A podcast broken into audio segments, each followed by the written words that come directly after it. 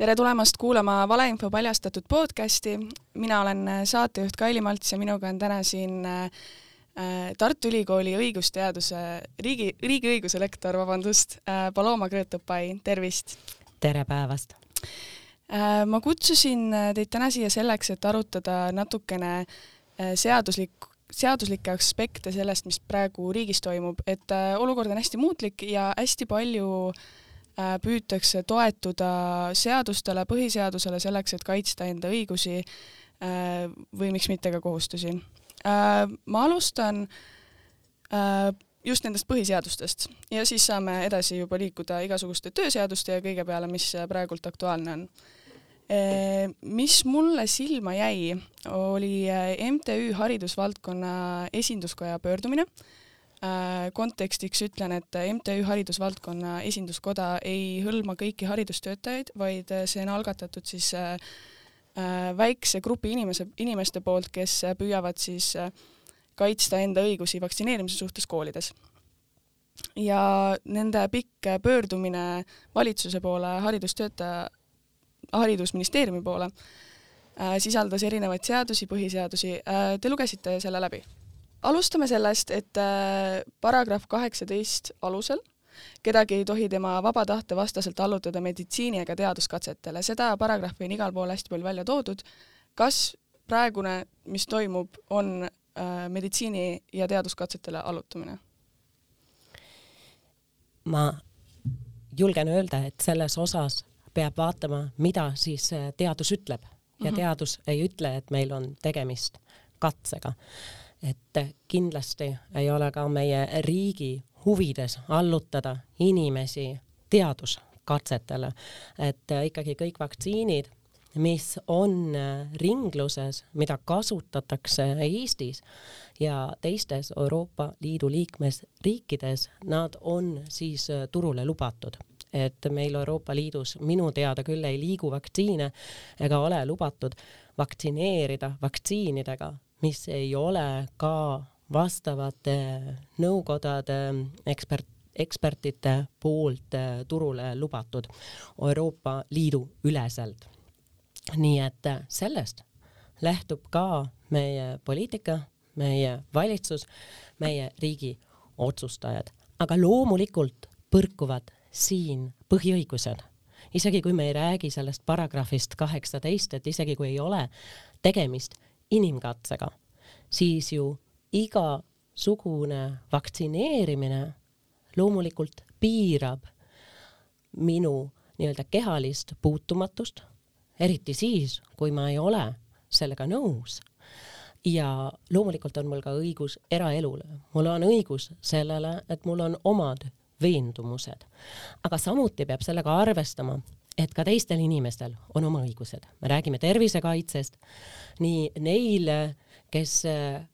kardavad vaktsineerimist, kui ka neil, kes kardavad haigeks jäämist, on õigus oma tervise kaitsele. Ja riigil on kohustus seda tervist kaitsta. riigil on samuti põhiseadusest tulenev kohustus tagada ühiskondlik tervis, ühiskonna heaolu, majanduse toimimine ja laiemas mõttes siis äh, rahulik kooselu. nii et äh, tõepoolest, kui me räägime vaktsineerimisest, siis kahtlemata on puudutatud mitmed põhiõigused. Ja siin me räägime siis sellest, et neid on vaja omavahel tasakaalustada, on vaja leida see tasakaal, sest loomulikult on igalühel meist põhiõigused. Sünnist saati omaenda väga individuaalsed õigused, aga need leiavad oma piirid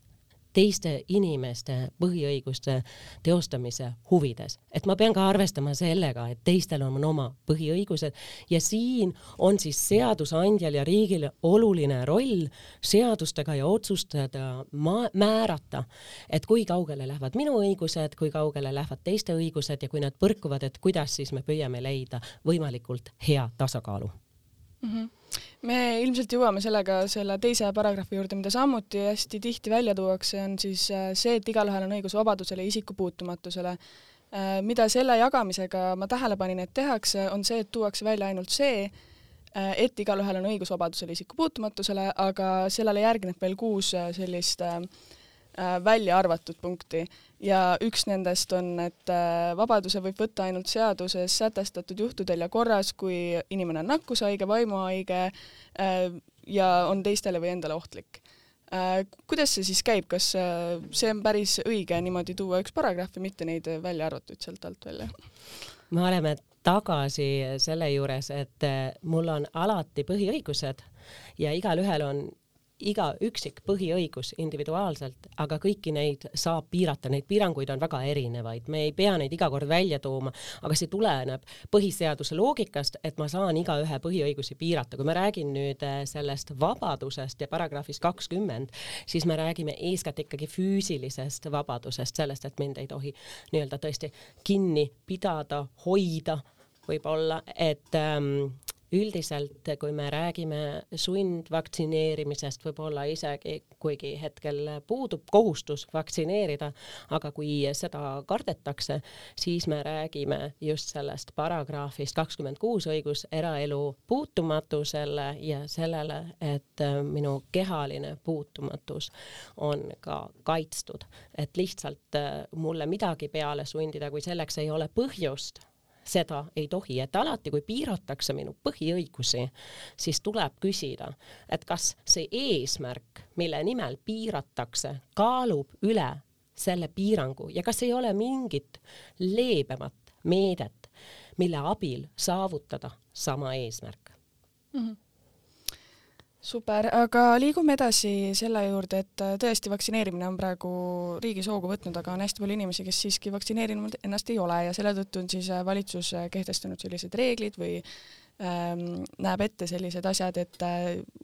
kuskil, kus on rohkem kui viiskümmend inimest näiteks, tuleks näidata koroonapassi äh,. sellega seoses äh, levis sotsiaalmeedias ka selline postitus, et äh, koroonapass kui selline ei ole Eesti riigis dokumentide nimekirjas ja ei ole seadusega määratletud selle tegemine, väljaandmine või kontrollimine, seega ei saa mitte ükski ametnik ega ka muu asjapulk sellist õigust nõuda. kuidas siis selle koroonapassiga ikkagi lood on, kas seda saab nõuda? tõepoolest on ju nii, et sõna koroonapass äh, ühestki õigusaktist eeldatavasti ei leia. aga kahtlemata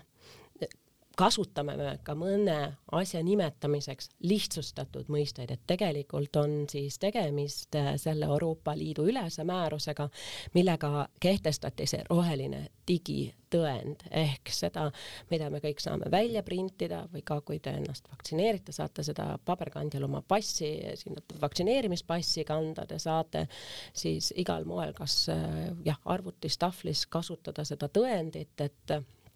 teid on kas vaktsineeritud või asja testitud või et te olete läbi põdenud selle koroona. nii et äh, see koroonapass on, tuleb üles tunnistada, lihtsalt mõiste, mida kasutatakse üldises äh, keelepruugis, aga tal on õiguslik alus äh, Euroopa Liidu õiguses ja teadaolevalt oleme meie Eestis Euroopa Liidu liige koroonapass väljend on siis äh, see, mis näitab, kas äh, sa oled vaktsineeritud või haiguse läbi põdenud või sul on antikehad, mis iganes ähm,. palju on ka jutuks olnud see, et kas kellelgi on üldse õigus teada, et ma olen vaktsineeritud või kas ma olen vaktsineeritud või läbi põdenud midagi, et kus siin nüüd jookseb see piir, et need on minu terviseandmed ja neid ei pea keegi teine teadma siin me olemegi tagasi selle kaalumise juures. tõepoolest, minu terviseandmed on minu isiklikud andmed, nad annavad minust äh, väga isiklikut informatsiooni ja põhimõtteliselt esmalt enne kui keegi ei ole neid sisse nõudnud, ei ole mul ka kohustus neid kellelegi ette näidata. et seetõttu on erinevad regulatsioonid, mis näevad siis ette, et kunas ja mis alusel mina näiteks oma terviseandmeid pean mõne teise inimesega, olgugi et minu tööandjaga näiteks jagama. ja miks see jällegi nii on, sest nagu ma varem juba mainisin, põhiõigused ei ole absoluutsed, muidugi on mul õigus sellele, et mitte igaühele ja ka mitte riigile ei ole avatud kõik minu terviseandmed aga ma pean ka arvestama sellega, et kui selleks on vajadus olemas, siis võib seada kohustuse selleks, et ma pean neid terviseandmeid näiteks äh, teatud isikutega, tööandjatega või kellegiga iganes äh, jagama tööandjate juurde juba tulime, et äh, kuidas nüüd äh, võimalikult lihtsalt inimestele lahti seletada, mis praegult toimub, et küll on pealkirjad uudistes suurelt, et nüüd riik käsib vaktsineerida, muidu võib lahti lasta ja siis on jällegi pressikonverents, kus öeldakse, et rahu-rahu, tegelikult ikkagi nii ei ole, et kuidas nüüd siis asjad ikkagi on? jah, see on küsimus, mida ma arvan, mis on väga õigustatud. Ja õigustatud on tegelikult ka küsimus sest äh, kui inimesed aru ei saa, et kes on jätnud selgitamata, et see on nagu see esimene punkt võib-olla, kust võiks alustada, et äh, eile valitsus tegi määruse ja siis äh, tõepoolest äh, kehtestas äh, siis määruse abil regulatsiooni, mille alusel siis muuhulgas tööandja saab nõuda eh, töötajalt kinnitust selle kohta, et tema ei ole nakkusohtlik, nii ütleb eh, seda, seda määrus, see määrus ütleb veel mitmeid muid asju, mille saab võib-olla lühidalt kohe käsitleda mm. -hmm aga selle alusel siis tõepoolest äh, saab on reguleeritud, et tööandja tohib teatud infot äh, saada, ehk siis selleks, et tagada nakkusohutus. me jälle näeme, et äh, lihtsalt nii ei tohi üldse mingeid andmeid välja nõuda ja kui selleks ei ole põhjust, siis ka mitte, et tööandja peab alati äh, sellise analüüsi teostama, et riskianalüüsi ja selle alusel ta saab siis ohutuse tagamiseks teatud juhtudel tõepoolest töötajalt nõudet siis kinnitust selle kohta paberkandjal või muul digitaliseeritud kinnitatud kujul, mitte nii lihtsalt, et mina kirjutan võib-olla või, või väidan suuliselt, et ma olen kas testitud või ma olen vaktsineeritud või ma olen selle läbi põdenud, selle haiguse ja selle kohta on tõend olemas. nüüd vaadates seda mm, siis määrust ja selle seletuskirja, siis sealt minu võimete järgi ei anna välja lugeda seda, et tööandjad tohiksid igal juhul nõuda äh, töötajalt, et ta oleks vaktsineeritud. aga siin jällegi ma tuleks tagasi selle juurde, et miks tekib segadus ja seda ma pean väga probleemseks. vabandust, et äh, me näeme esiteks, et äh, tegemist on põhiõiguste piirangutega, mida inimesed ähm, mis on väga oluline inimestele, mis puudutab praktiliselt igaühte meist, sest me töötame meil oleks vaja väga täpselt mõista, mis ulatuses ja kuidas ka tööandjatel on vaja, et neil oleks selgus ja kindlasti on siin tegemist õiguste piiramisega. nii et äh, põhimõtteline ja esimene tähelepanek oleks siin ka küsimus, et ähm, miks äh, otsustab selliseid asju valitsus ja miks äh, ei tunne huvi nende küsimuste vastu Riigikogu, et ka siin tegelikult demokraatlikus riigis on seadusandja rahva poolt valitud Riigikogu, meil nüüd vältab see koroonakriis juba teist aastat ja otsuste tegemine on praktiliselt üle läinud valitsusele, mis on arusaadav ja milleks ongi ka ette nähtud vastavad võimalused meie põhiseaduses, meie seadustes. lihtsalt kui on teatud ohuolukord, kiire olukord, et siis võib erandlikul juhtumil näiteks valitsus teatud otsuseid teha. küsimus nüüd aga, et mis siis saab sellest Riigikogust ja me näeme, et teistes Euroopa riikides on väga mitmeti mõeldud selle peale, et kunagi jälle mängu tuua parlament, et ma, parlament peaks näiteks pärast teatud valitsuse poolt tehtud üksikotsuse siis kas ära kinnitama selle otsuse või ta saab õiguse seda muuta, et ta peaks eelnevalt seda kontrollima. et äh, siin on üks murekoht, mida ma näen Eestis, et äh, tõepoolest meie Riigikogu ei ole näidanud üles huvi olulist äh, selle vastu, et tõesti vaadata väga täpselt, mida, mida valitsus teeb ja miks see oleks oluline just selle info liikumise osas, mitte selles osas, et inimesed äh, või, või et mina isiklikult kahtlustaks, et valitsus tahab kindlasti inimestele halba. seda ma arvan, ei ole põhjust kahtlustada, sest äh, miks ta peaks seda tahtma. aga meil tekib segadus, et võetakse kiiresti otsuseid vastu äh, teatud ulatuses ei pruugi nad ka olla võib-olla väga hästi selgitatud ja, ja sõnastatud, sest lihtsalt inimestel ei olnud piisavalt aega, puudub vastav diskussioon, tekib segadus. ja siin me näeme jälle, siin tekivad inimestel väärarusaamad ja hirmud ja see on üks punkt, kus me näeme ju tegelikult, et info liikumine on täna võim ja ka relv. et kui inimestel tekivad hirmud ja enamus inimesi ei, kurjast ei mõtle selle peale, et nad ei taha vaktsineerida, vaid enamus inimestel on reaalne hirm. ja kui siin puudub vastav info liikumine, siis ka siin tuleb küsida, et kas see on kooskõlas sellega, mida nõuab meilt läbipaistev demokraatlik riigi juhtimine et nüüd asjad natukene selgemaks saada, siis võib-olla tõesti selle kiire määruse väljapanekuga ja kõik see, kuidas otsuseid võetakse niimoodi suhteliselt järsku vastu, Äh, võib-olla tõesti on paanikat tekitanud see, et inimesed tunnevad, et nüüd nad üks päev lähevad tööle ja nad peavad lahkumisavalduse lauale panema lihtsalt niisama. et kuidas see protsess ikkagi käib, mida peab tööandja tegema ja mida peab töötaja teadma? et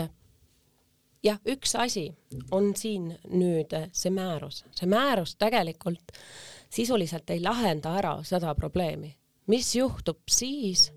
kui tõepoolest äh, tekib olukord, kus tööandja ütleb, ma ei saa selle töötajaga enam suhet pikemalt pidada, töösuhet, sest nagu me näeme, meie tuntuim näide siis Tallinna kiirabi, mul on vaja, et need inimesed oleksid vaktsineeritud, et mulle ei piisa ka sellest tõendist, et ta on negatiivne, mul oleks vaja tema käest nõuda, et ta oleks vaktsineeritud, muidu ma lasen ta lahti ja me näeme siin nüüd väga selgelt põhiõiguste põrkumist ja küsimus on, et kas siis tööandja saab omalt poolt öelda, et sa ei täida enam oma tööülesandeid korrapäraselt. et varem on ju kehtinud see, et, et noh, varem on ju kõik olnud korras, varem on minu töötaja töötanud hästi, ei ole olnud kaebusi, korraga öeldakse talle, et nüüd on nagu olukord muutunud ja tõepoolest, olukord ongi muutunud, üldiselt töölepinguid sõlmitakse kahepoolselt ja ma ei saa neid ühepoolselt muuta, aga töötajal, tööandjal on ka reaalselt kohustus tagada siis töökeskkonna töötervishoid ja tööohutus. Ja need kriteeriumid võivad muutuda, siis peab tööandja olukorda uuesti hindama siis äh, selle riskianalüüsi põhjal, nagu me oleme rääkinud ja tõepoolest, eks seda Covidit ei ole kindlasti keegi ette näinud ega endale väga ka soovinud nii et äh, siin on tööandja siis omalt poolt pidanud äh, ja peabki ümber hindama, et kui suur on siin nakatumise risk, millega minu töötaja tegeleb. ja kahtlemata peab ta ka arvestama sellega, et äh, üldiselt töötaja hoiakud ja ka hirmud eh, ei ole mm, tema ülesandeks neid mõjutada ega nendest lähtuda, et tööandja ülesanne ei ole näiteks lõpetada töölepingut seetõttu, et tema arvab, et vaktsineerimine on hea ja töötaja ütleb, et eh, mina seda ei usu. et usu küsimused, vaid töötaja peab ikkagi osutama oma tööülesandeid korrapäraselt. kui nüüd tõesti juhtub sellise tervishoiuteenuste osutamisel me näeme seda selgelt, et on väga oluline, et inimene ei näitaks ainult ette äh, negatiivset testi, vaid võib-olla ta satub nii intensiivselt kokku inimestega, et ta peaks olema vaktsineeritud, et see tõstaks seda tõenäosust väga suures osas, et ta ise siis ei saaks kedagi nakatada. siis eelnevalt, kui ikkagi mu tööandja, töötaja ütleb, et ta ei soovi vaktsineerida, siis ma pean tegema kõikvõimalikku igal juhul, et kontrollida üle, kas ma ei saa seda inimest kuidagi teisiti tööle võtta, kas ma ei saa talle anda teisi tööülesandeid, kas tõesti ei piisa sellest, et ma nõuan talt, et ta kannaks siis võib-olla täiendavaid mingeid äh, kaitsvaid äh, maske, kindaid, kas ei piisa sellest, et ta näitab seda negatiivset testi, kes maksab selle testi, see on oluline küsimus, siin selles määruses ei ole ka seda siin öeldud, siin on palju ülesandeid tegelikult ja vastutust pannud tööandjale et äh, riik ise on siin üsnagi tagasihoidlik. et kahtlemata kaasneb kõikide nende ümberkorraldustega nimelt ka olulised täiendavad kulud äh, tööandjale. aga sellest olenemata tööandja peab omalt poolt tegema ja tagama kõikvõimalikku selleks, et see töötaja ei peaks lahkuma töölt sellepärast, et ta võib-olla kardab vaktsineerimist et äh, see peab tõesti olema see kõige viimane moment, kus seda kaalutakse, seda peab väga põhjalikult äh, põhjendama. Ja nagu me näeme ka selles määruses, on ikkagi üheks alternatiiviks alati välja toodud, et äh, võib tuua negatiivse testi, et töötaja võib oma ohutust siis tõendada ka negatiivse koroonatestiga küsimus on, kas see võib kunagi ja mõnes olukorras, mõnes töökohas olla ebapiisav. kas see protsess ise pikaks niimoodi ei veni, et kui see nii-öelda lahtilaskmine või vallandamine vaktsineerimata inimese puhul, et äh, oletame, et tööandja leiabki, et äh, ei saa tööd teha, ta puutub liiga paljude inimestega kokku, me ei saa võimaldada seda, et ta ei nakatu äh,, on proovitud teha kõike selleks, et tööga niimoodi edasi minna ja siis lõpuks jõuda sinnani, et, et lasta lahti, et see vahepealne aeg, mis seal on kas ei veni liiga pikale, kas ei ole tööandjale nagu nii suur koormus ja ka töötajale, et saada kuidagi, leida seda ühiskeelt, et kuidas see seal määruses on äh, ära määratletud? ega seda see määrus ei lahenda, ei lahenda ka mingi seadusmuudatus mm -hmm. ja ei lahenda keegi nende eest ära, et see on ikkagi see individuaalne töösuhe ja seda vaeva peabki nägema. siin peab siiski ka kahtlemata esmalt äh, hindama tööandja seda riski, et kui suur see risk on, kas ma saan seda nõuda oma töötajalt ja et ta ja, ja millised peavad need meetmed olema, et seda ülesannet ei saa kuidagi ära võtta ja loomulikult alluvad ka kõik need otsused kohtulikule kontrollile et äh, see võib olla, otsus võib välja kukkuda lõpuks positiivne või negatiivne, aga loomulikult peab tööandja sellega arvestama. ja kahtlemata on äh, siin, nagu ma juba mainisin, tööandjale pandud oluline koormus, et kui me loeme seda määrust, siis äh, nimelt huvitaval kombel tuleneb sellest, et bioloogiline et, et see, et meie siis koroonaviirus ongi bioloogiliseks ohuteguriks, et mm., et lihtsalt selle leviku korral tuleb siis analüüsida töökeskkonna muutumise vajadusi ja vajalikke meetmeid, see tähendab, et sisuliselt peab iga tööandja nüüd koostama uue riskianalüüsi, kontrollima, vaatama, kontrollima ka, milliseid ähm, äh, nii-öelda andmeid, ta saab küsida oma töötajatelt, kas need töötajad puutuvad kokku piisavalt paljude teiste inimestega, et tal on vaja võtta täiendavaid meetmeid. Et tõepoolest sellel on väga laia, laia haardega mõju tööandjatele, kes peavad võib-olla hakkama ka äh, testide eest tasuma, seda kõike korraldama, et äh, jah, et seda ei tohi kuidagi kõrvale jätta, et siin on väga suur vastutus pandud tööandjate õlule. Äh, teie hinnangul, kas äh, peaks tegema need äh, määrused ja suunitlused nii tööandjatele kui ka töötajatele konkreetsemaks? mina isiklikult neid lugedes mul tekkis küll äh, siin mitmeid küsimusi, et ma ütlen, et see põhiline küsimus on võib-olla ka see, et meil on olemas see määrus bioloogilistest ohuteguritest ja ta ütleb, et äh, kunas ma pean siin arvestama siis selle töökeskkonna ja seda töökeskkonda vastavalt analüüsima siis, kui äh, minu koroonaviirus levib, selle leviku korral ja kunas on koroonaviiruse leviku kord, noh, ma arvan, seda ei, see saab olema alati mm. -hmm. et kunas, ma ei tea, kas, kas on mingid kriteeriumid, ma seletuskirjast nüüd ei lugenud välja. ja nii et, nii et on väga laia haardega. ma isiklikult ka arvan, et ta tekitab mitmeid küsimusi, mis tõepoolest vajaksidki laiemat arutelu, vajaksid lahendamist, et nii töötajatel kui tööandjatel ei tekiks rohkem küsimusi ja ebakindlust, vaid et nad saaksid lahendusi. Ja seetõttu üldiselt ka peetakse asjakohaseks, et kui me selliseid, ma arvan, väga ulatuslikke otsuseid teeme, et me peaks, meil peaks selles osas olema laiem debatt ja selles peaks osalema ka meie parlament ehk Riigikogu mm. -hmm. tuleme nüüd korra sealt tööalaste teemade juurest kooli juurde ja alaealiste laste juurde. nimelt Varro Vooglaiu postitus läks väga suureks sotsiaalmeedias, täpsemini siis kõikide vaktsiinivastastes gruppides, kus oli siis tehtud selline avalduse põhi, mida saata kaasa oma lastega kooli Äh, minu teada vähemalt ei tohiks niikuinii alaealisi vaktsineerida ilma vanema nõusolekuta. Äh, küll aga, mis võis segadust tekitada, oli Karmen Jolleri üks äh, väljaütlemine, kus ta ütles, et kui kaksteist pluss nooruk tuleb a la perearstikeskusesse või vaktsineerimiskeskusesse, siis teda ära ei saadeta, et vaktsineeritakse ära, kui ta tahab. kuidas siis ikkagi asjad on? aitäh selle küsimuse eest. tõepoolest, meil ütleb võlaõigusseadus et enne, kui ma kedagi vaktsineerin, sest nagu me juba ütlesime, me sellega piirame tema põhiõigusi, siis mul on üldiselt vaja tema nõusolek. ma pean talle selgitama, milles on asi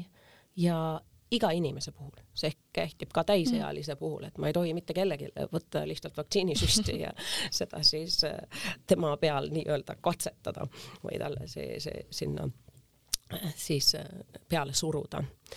Nii, ja mis siis nüüd on äh, alaealiste su-, äh, kohta seal öeldud? Ja see ei puuduta ainult üle kaheteistaastaseid, vaid see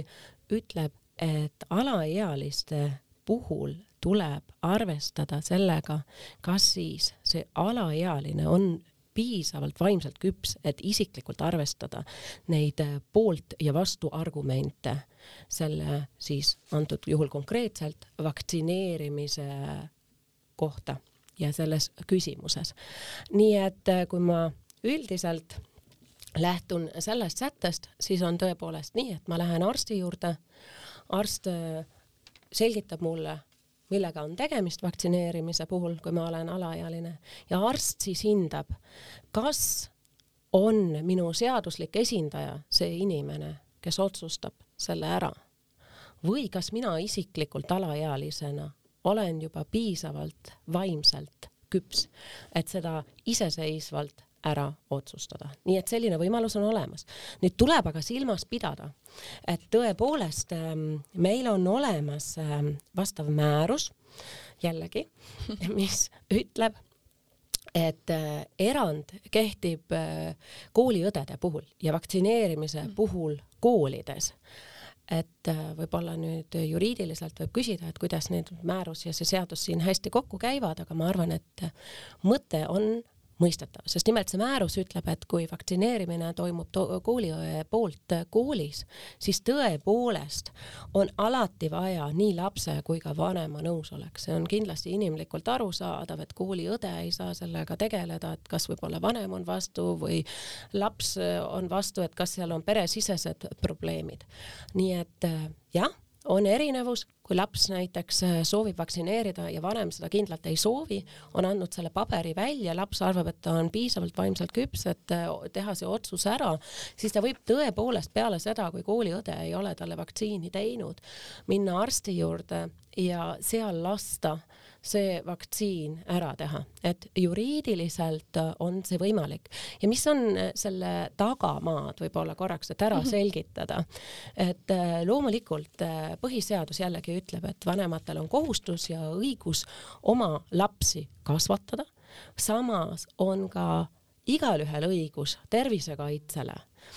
nii et äh, ja perekond on jällegi riigikaitse all, seda ütleb ka põhiseadus ja põhiseadus ja riik peab nüüd ära lahendama selle võimaliku pinevussuhte, mis tekib siis, kui laps ja vanem ei ole omavahel nii-öelda ühel arvamusel mm. -hmm ja siin on need piirid, kus öeldakse, et üldiselt jah, et laps, vanem peab esindama oma last, aga kui laps seda ei taha, siis peab lähtuma lapse parimatest huvidest, sest tegelikult iga laps on indiviid, tal on oma põhiõigused, et laps ei ole kunagi lihtsalt ainult nii-öelda vanemate mm -hmm. omand, vaid vanemad esindavad seda last seetõttu, et see laps oleks parimal moel esindatud nii-öelda oma vanemate poolt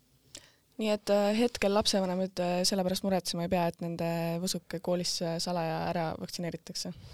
ei, seda nüüd kindlasti mitte, selles osas on olemas see kindel reegel, aga nagu öeldud ka, et kui laps, kui seal tekib tõesti peresisene probleem, siis seda võib arstiabiga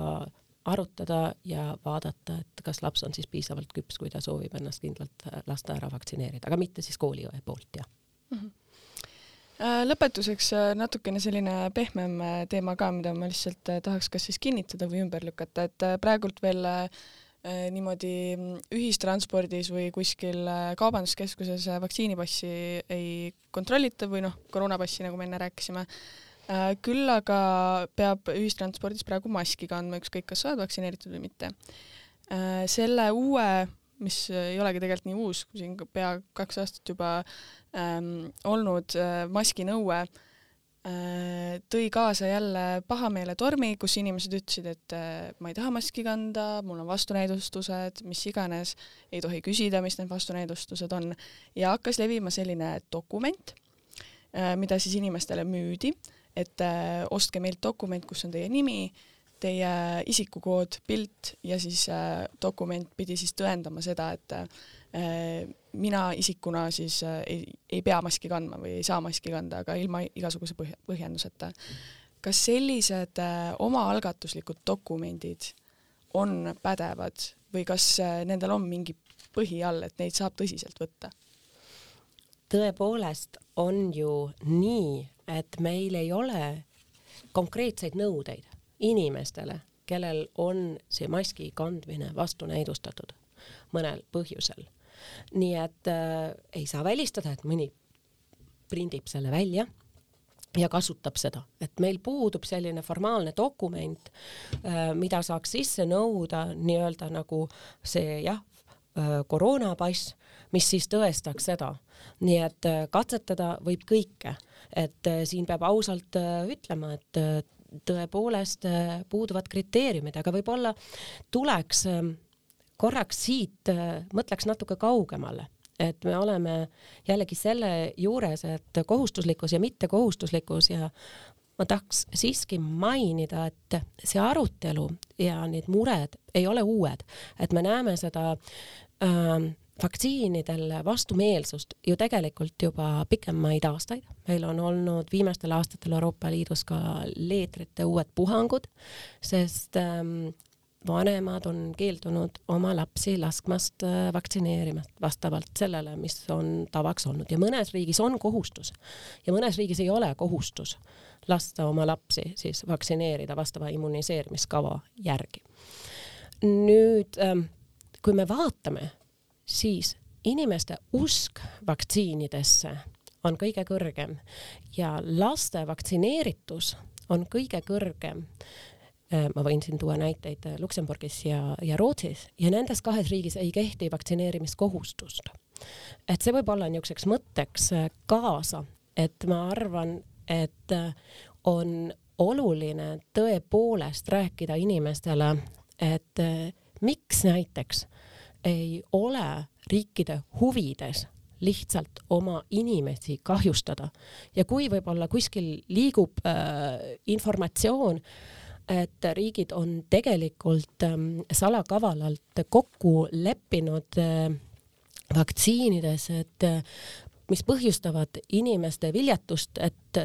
tuua maale tulnukaid, kes mhm. asendaks neid tulevikus, siis võib-olla võiks keegi ja ma arvan, et siin on oluline, et tegelikult poliitika võtaks neid hirme tõsiselt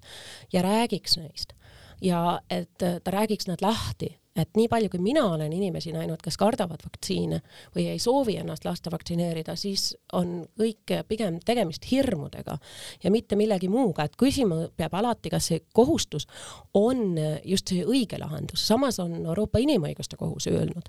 et laste vaktsineerimine võib teatud teatud ulatuses olla kohustuslik, samas on ta antud juhul mitte rääkinud koroonavaktsiinidest, vaid siis tõesti nendest vaktsiinidest, mis on meile juba teada ka, mida juba väga pikalt äh, on kasutusel, ehk siis mumps ja düfteeria, leetrite vastased vaktsiinikavad ja neid on tõepoolest pikki aastaid analüüsitud, siin on olnud rohkem aega teadlastel ka neid äh, mõjusid analüüsida. samas on Euroopa Inimõiguste Kohus ka öelnud, et äh, isegi kui on kohustus, peab vaatama, et kas see kohustus on proportsionaalne. Ehk millised on tagajärjed, et need tagajärjed ei tohi olla liiga piiravad, antud juhul näiteks analüüsiti Tšehhi, siis äh, vaktsineerimiskohustust alaealistele, kus lapsed ei tohtinud seejärel küll äh, minna siis äh, lasteaedadesse, eelkooli asutustesse, kui nad ei olnud vaktsineeritud, aga see ei piiranud nende õigust saada pärast haridust ehk kooli astuda mm. -hmm. Need on olulised küsimused, samuti oli siis äh, sel juhul olemas ka regulatsioon, et äh, mille nimel siis riik ütles, et kui mingid tagajärjed ja kõrvalmõjud peaksid olema, siis riik kohustus kandma ja korvama siis nende tagajärjedega kaasnevaid kulusid mm. -hmm ehk siis äh, oletame, et mina olen äh, nüüd äh, Terviseameti ametnik või äh, mupo või keegi, kes ühistranspordis käib ja keegi mulle selle dok-, seda, sellise dokumendi esitab äh,, idee poolest äh, ma võin seda kaasa noogutada ja lihtsalt edasi kõndida? kui ma olen see mupo ametnik? jah yeah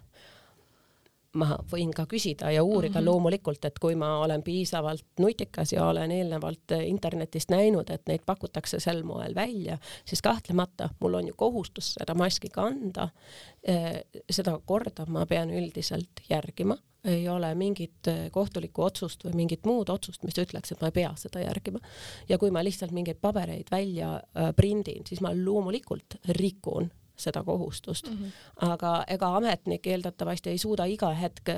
välja uurida, kas see perearst on välja kirjutanud selle paberi, kas keegi on võltsinud mõnda allkirja, mingi noh, ma, me lihtsalt näeme, et siin on ka riigi käed kindlasti kuidagi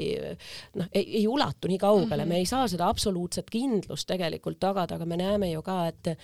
enamus inimesi on igati valmis kaasa tegema, olema kooperatiivsed ja ma arvan, et tõesti siin tuleb natuke mõelda ka selle peale, et me tahame ju edasi elada. me näeme, et kui inimestele hirmude korral lihtsalt surutakse peale kohustusi, siis see võib ka tekitada riigis rahutusi ja inimestes veel enam ebakindlust ja meie jaoks on ju oluline ka see, et need inimesed tulevikus ka äh, usaldaks oma riiki mm -hmm. ja mhm. järgiks kohustusi, nii et ma arvan, et nii kaugele ja